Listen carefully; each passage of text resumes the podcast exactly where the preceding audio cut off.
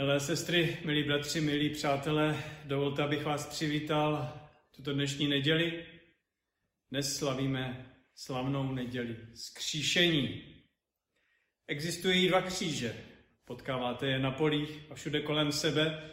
A sice jeden je s Kristem a jeden je bez Krista. Dnes budu mluvit o kříži bez Krista. O prázdném hrobu. Smrt na něj byla krátká. Ježíš Kristus je skříšen. Hlavní téma toho textu, které jste mohli slyšet, je téma skříšení. Skříšení jako největší prokázaná historická událost. Skříšení jako nejúžasnější zpráva ze všech zpráv. A skříšení jako pochopení celé Bible, celého příběhu, jak Bůh promlouvá člověku. Pojďme té historické události, co zaznamenali očití světkové. Evangelista Lukáš popisuje, jak se Ježíš setkává s učedníky. Je to překvapivé.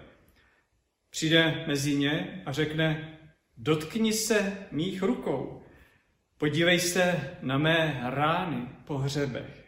Nejsem žádný duch, a nemáte něco k jídlu? Dejte mi, dejte mi najíst. A oni mu dají grilovanou pečenou rybu. Obyčejný, ale skříšený Ježíš. Žádné symbolické, žádné duchovní zjevení. Je to tak prosté, že žádný pisatel by si to nemohl ani v nejbůjnější fantazii takto vymyslet. A potom ty ženy u hrobu. Víte, svědectví ženy v té době nemělo vůbec žádnou váhu. Kdybyste zaznamenali tento příběh, nikdy byste jej takto nenapsali. Nikdo by vám nevěřil. Nenapadlo by vás to.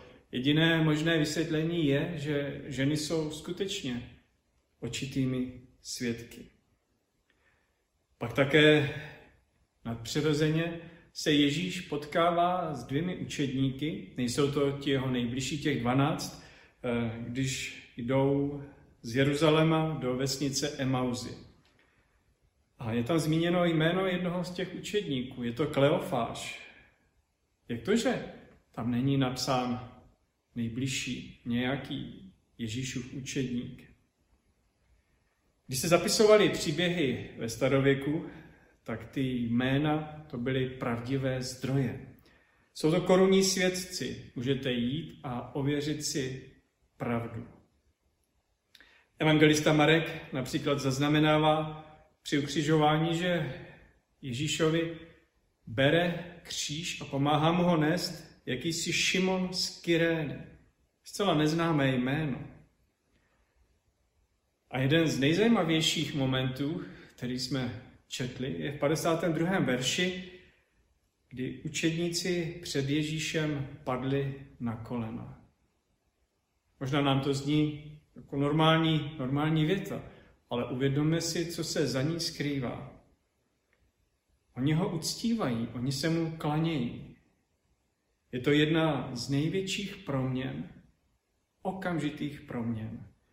Vidí najednou Ježíše jako božího syna, jako boha samotného, a židé, učedníci jsou židé, ti by nikdy nevyslovili boží jméno, jak měli velikou úctu před ním.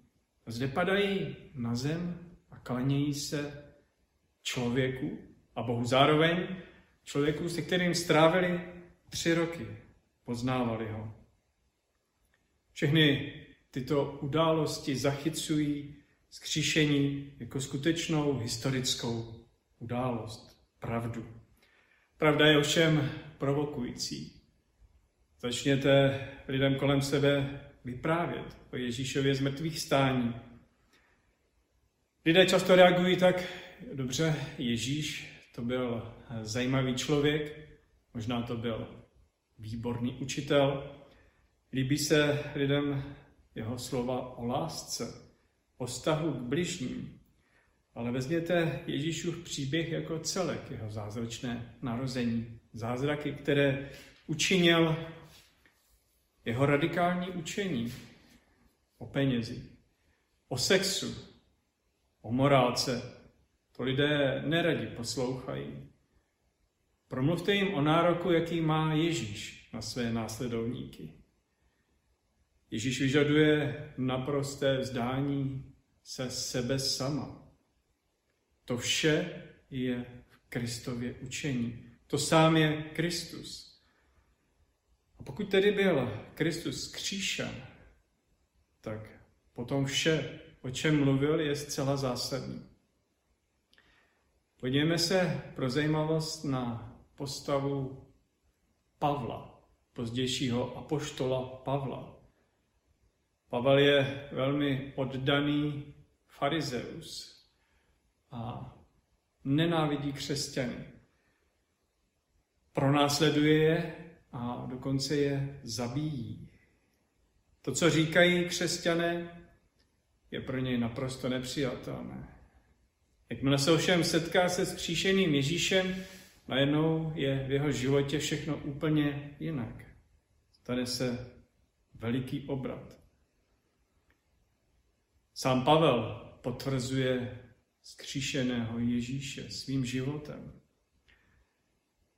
Skříšení je zásadní pro porozumění celé Bibli. Andělé, když se s nimi setkají ženy, tak jim říkají těm ženám, proč hledáte živého mezi mrtvými? Není zde byl skříšen. Vzpomeňte si, jak vám řekl, když byl ještě v Galileji, že syn člověka musí být vydán do rukou říšných lidí, být ukřižován a třetího dne stát. A najednou se ženy rozpomenuli na ta slova. Ježíš je klíčem k pochopení. Ježíšovo skříšení je k pochopení plně celé Bible. Ježíš se potom setkává s učedníky, kteří jdou do Emaus. Řekne jim, jak jste nechápaví. To je vám tak těžké uvěřit. A potom jim začne vysvětlovat, prochází celý, celou Bibli, celým starým zákonem a vysvětluje jim, co všechno o něm je napsáno. Od Mojžíše přes proroky, žalmy. Celá Bible je záznamem o připravovaném Kristově příchodu, o jeho narození, smrti a skříšení. Není možné ji číst jiným způsobem. A apoštol Pavel, který se setkává nadpřirozeně s Kristem, když se mu Kristus zjeví, tak on spadne z koně, oslepne na tři dny a někdy tak přemýšlím nad tím, co se mu asi tak muselo honit hlavou. Možná slyšel o tom Ježíšovi, možná, možná byl účasten jeho ukřižování, možná slyšel, jak volá Bože můj, proč si mě opustil. Tohle, že je Mesiáš, tohle, že je Spasitel, ale pak se s ním setkal. Co se stane s Pavlem? Najednou neohroženě mluví o skříšeném Ježíšovi a dokonce je napsáno, že svými důkazy přivádí do úzkých židy. Oni se ho začnou obávat. Ten, který pracoval pro ně, najednou je nějak začne bytostně ohrožovat, tak se rozhodnou, že ho chtějí zabít. Pavel, když porozuměl kříži, tak se najednou všechno v jeho životě radikálně změnilo. Ukřižování je klíčem k porozumění. Ježíš otvírá učedníkům písma a vysvětluje. Dělá to znovu a znovu, dělá to dnes. Působí skrze svého ducha, působí na naše myšlení. Co je také zapsáno, skříšení je nadějí pro náš život. Skříšení je naděje do budoucnosti. Skříšení nám dává ujištění o tom, že nejsme jen nějaký prach ve větru, že se nerozplyneme do ztracena. Dává nám pokoj do této doby, která je plná nejistoty, Skříšení je naše budoucnost. Je konkrétní. Není to jako v určitých náboženských systémech. Nekonečné koloběhy, splynutí, rozplynutí duše, vyvanutí svého já. Ne. Lidé někdy říkají, nic po smrti nebude, rozplynu se, nebudu. Ježíš říká, ne, já jsem skříšení, já jsem život. Pokud mi budeš věřit, pokud tomu porozumíš a pochopíš, tak tvoje budoucnost je a bude krásná, bude osobní, bude vztahová, bude naplněná v lásce. Popravdě je to jediná věc, po který skutečně hluboce touží naše srdce. Každý člověk to má v sobě hluboce zakódováno. Někdy možná se to skrývá pod různými vrstvami, maskami, zklamáními, zradami, nejistotou, bolestí. Říkáme, že ne, ale pravda je jiná. Pokud věříte ve skříšení, nemusíte se bát smrti. Budoucnost je v Kristu. Buď si jistý, že je a je pro tebe. Pokud člověk udělá přestupek, když třeba porušíte dopravní předpisy a jdete moc rychle, tak dostanete pokutu a zaplatíte za svou vinu. Pokud provedete něco horšího, tak půjdete do vězení a 5, 10, 15, 25 let. Když vyjdete z vězení, je váš dluh splacen. Zaplatili jste. Kříž je důkazem, že moje vina byla zaplacena. Ať je jakkoliv veliká, byla zaplacena. Je to potvrzení, je to razítko, je to štempel, je to jistota. Víte, každý z nás se jednou postaví před Pána Boha. Každý se postaví před Boží soud. Skutečná spravedlnost existuje. Nikdo z nás není dokonalý, aby se sám obhájil. Nikdo to nedokáže. Nemáme před Bohem naději. Ale právě je zde Kristus.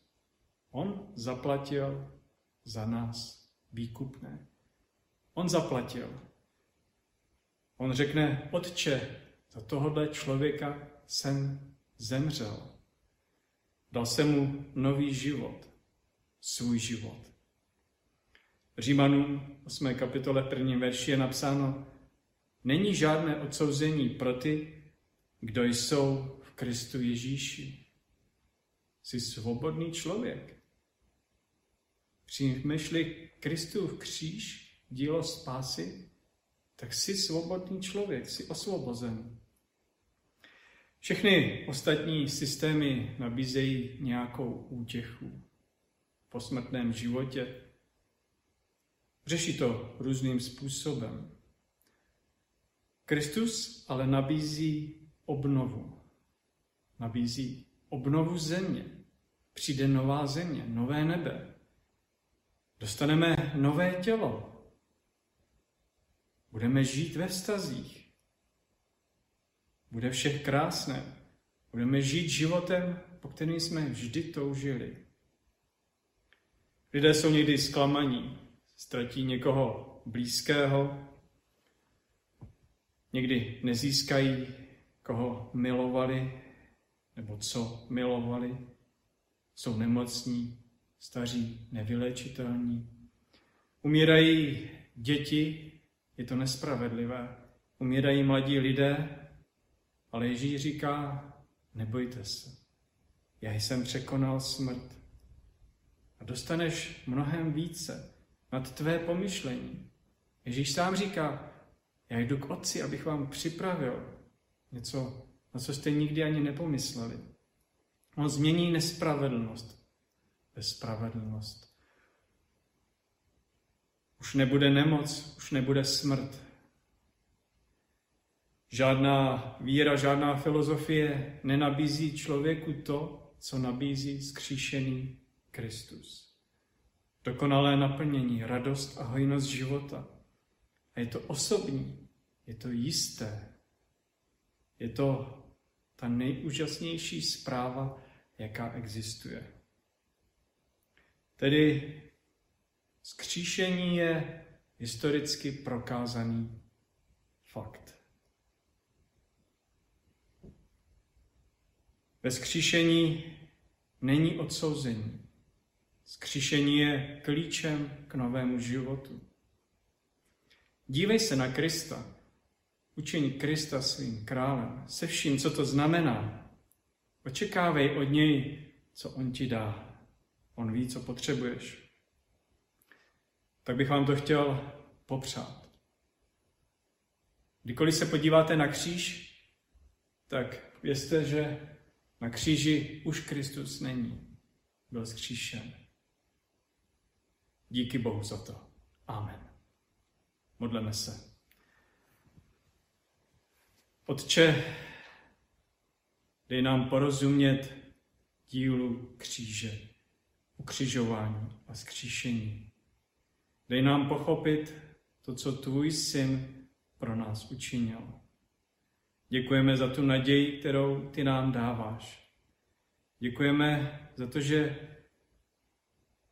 jsi šel poslušně na kříž z lásky k nám. Pane Ježíši Kriste, ty nás miluješ. Ty toužíš po každém člověku. Ty jsi nám připravil krásnou budoucnost. Dej, ať můžeme po této cestě, po této úzké cestě jít radostně za tebou. Vyznáváme, že patříme tobě, že nás nic nemůže vytrhnout z tvé náruče. Prosíme, skloň se k tomuto světu. Prosíme, skloň se k nemocným lidem, skloň se k umírajícím. Skloň se, pane, k těm, kteří tebe nevěří. Prosíme, dávej naději tam, kde je bez naději. Děkujeme ti za vše. Požehnej nám. Amen.